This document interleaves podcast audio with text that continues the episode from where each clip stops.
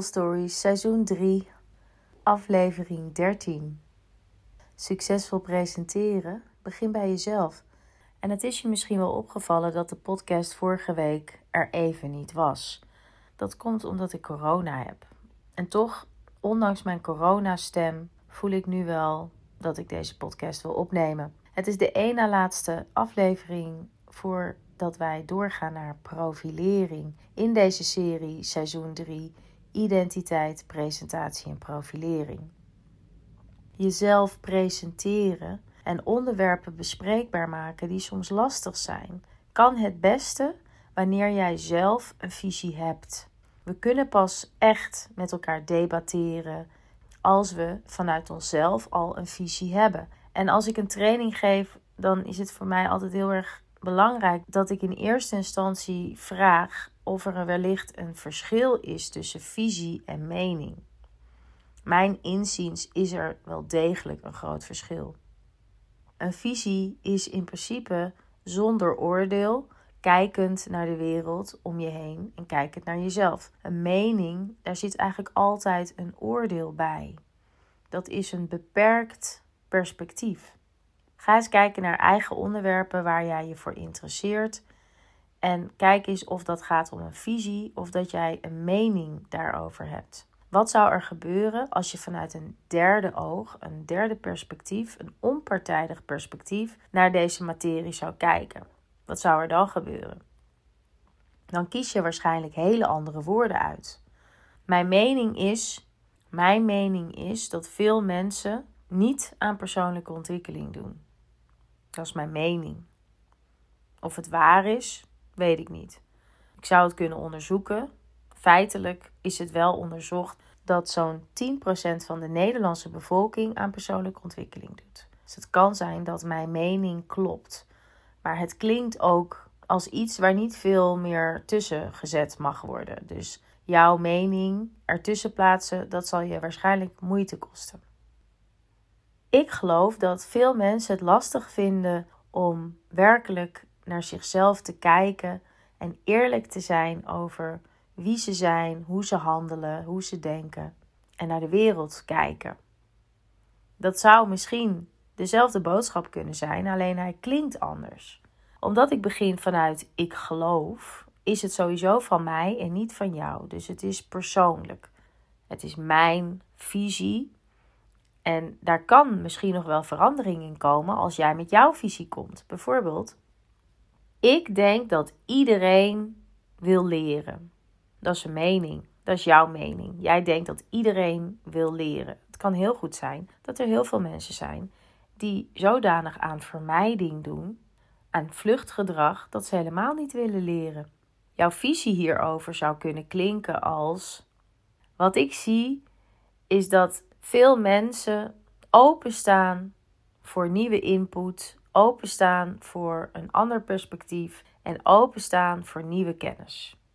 Dat klinkt net even anders en misschien zeg je wel hetzelfde, maar hier kunnen wij nog wel samen over in debat. En een debat is veel fijner dan een discussie.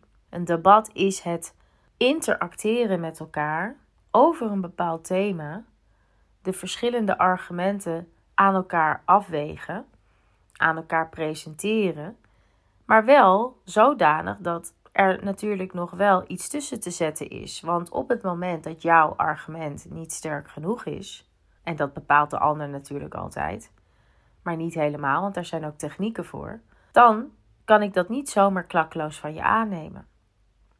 Wanneer we dus willen presenteren vanuit eigen visie en willen debatteren en niet willen vervallen in een discussie, is het dus wel heel erg fijn als jij ook nadenkt over je argumentatie.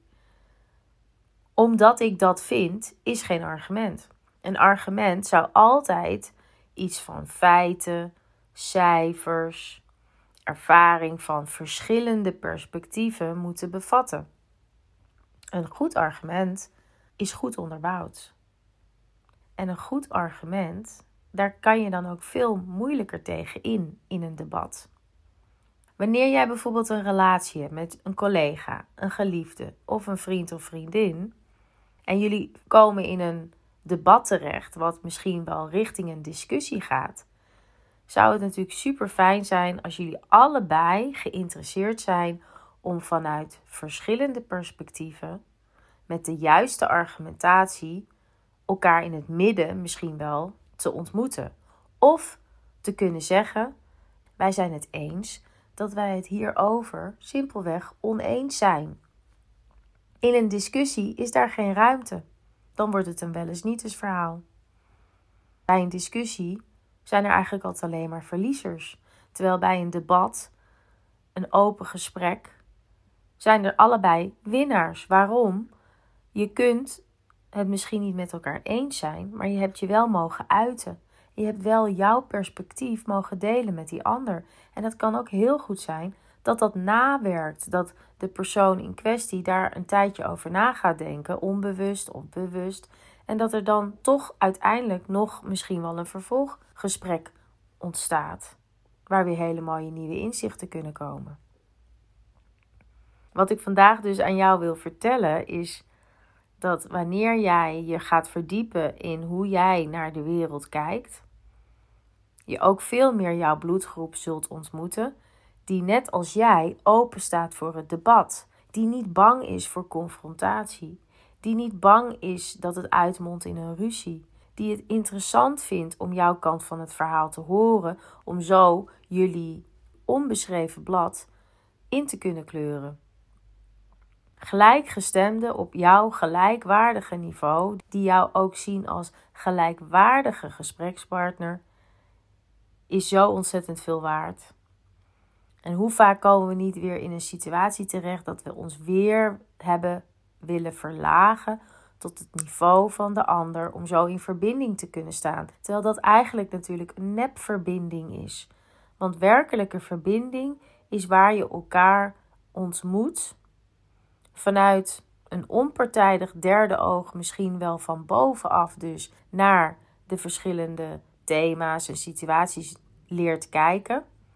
En altijd open blijft staan voor wat de ander zegt. Maar ook altijd dicht bij jezelf kunt blijven. Dus je voelt je niet bedreigd als iemand met een argument komt. Want jij staat er ofwel open voor, of je staat gewoon heel sterk in je schoenen en kunt dan gewoon ook zeggen: ik hoor je, ik zie je, ik begrijp je vanuit jouw perspectief hoe je het bedoelt. Alleen ik kijk er op een andere manier naar. En dat is prima. Laten we het eens zijn dat we het met elkaar oneens zijn. En ik hou nog steeds van je. Vind je nog steeds een aardige gast. En ik kan nog steeds met jou door één deur. Het verschil tussen een visie en een mening is heel erg groot. En de shortcut om dit te onthouden. Het ezelsbruggetje is: de een is oordeelloos vanuit jezelf persoonlijk omschreven, en de ander heeft eigenlijk altijd een oordeel. Soul Stories, seizoen 3, aflevering 13. Succesvol presenteren? Begin bij jezelf.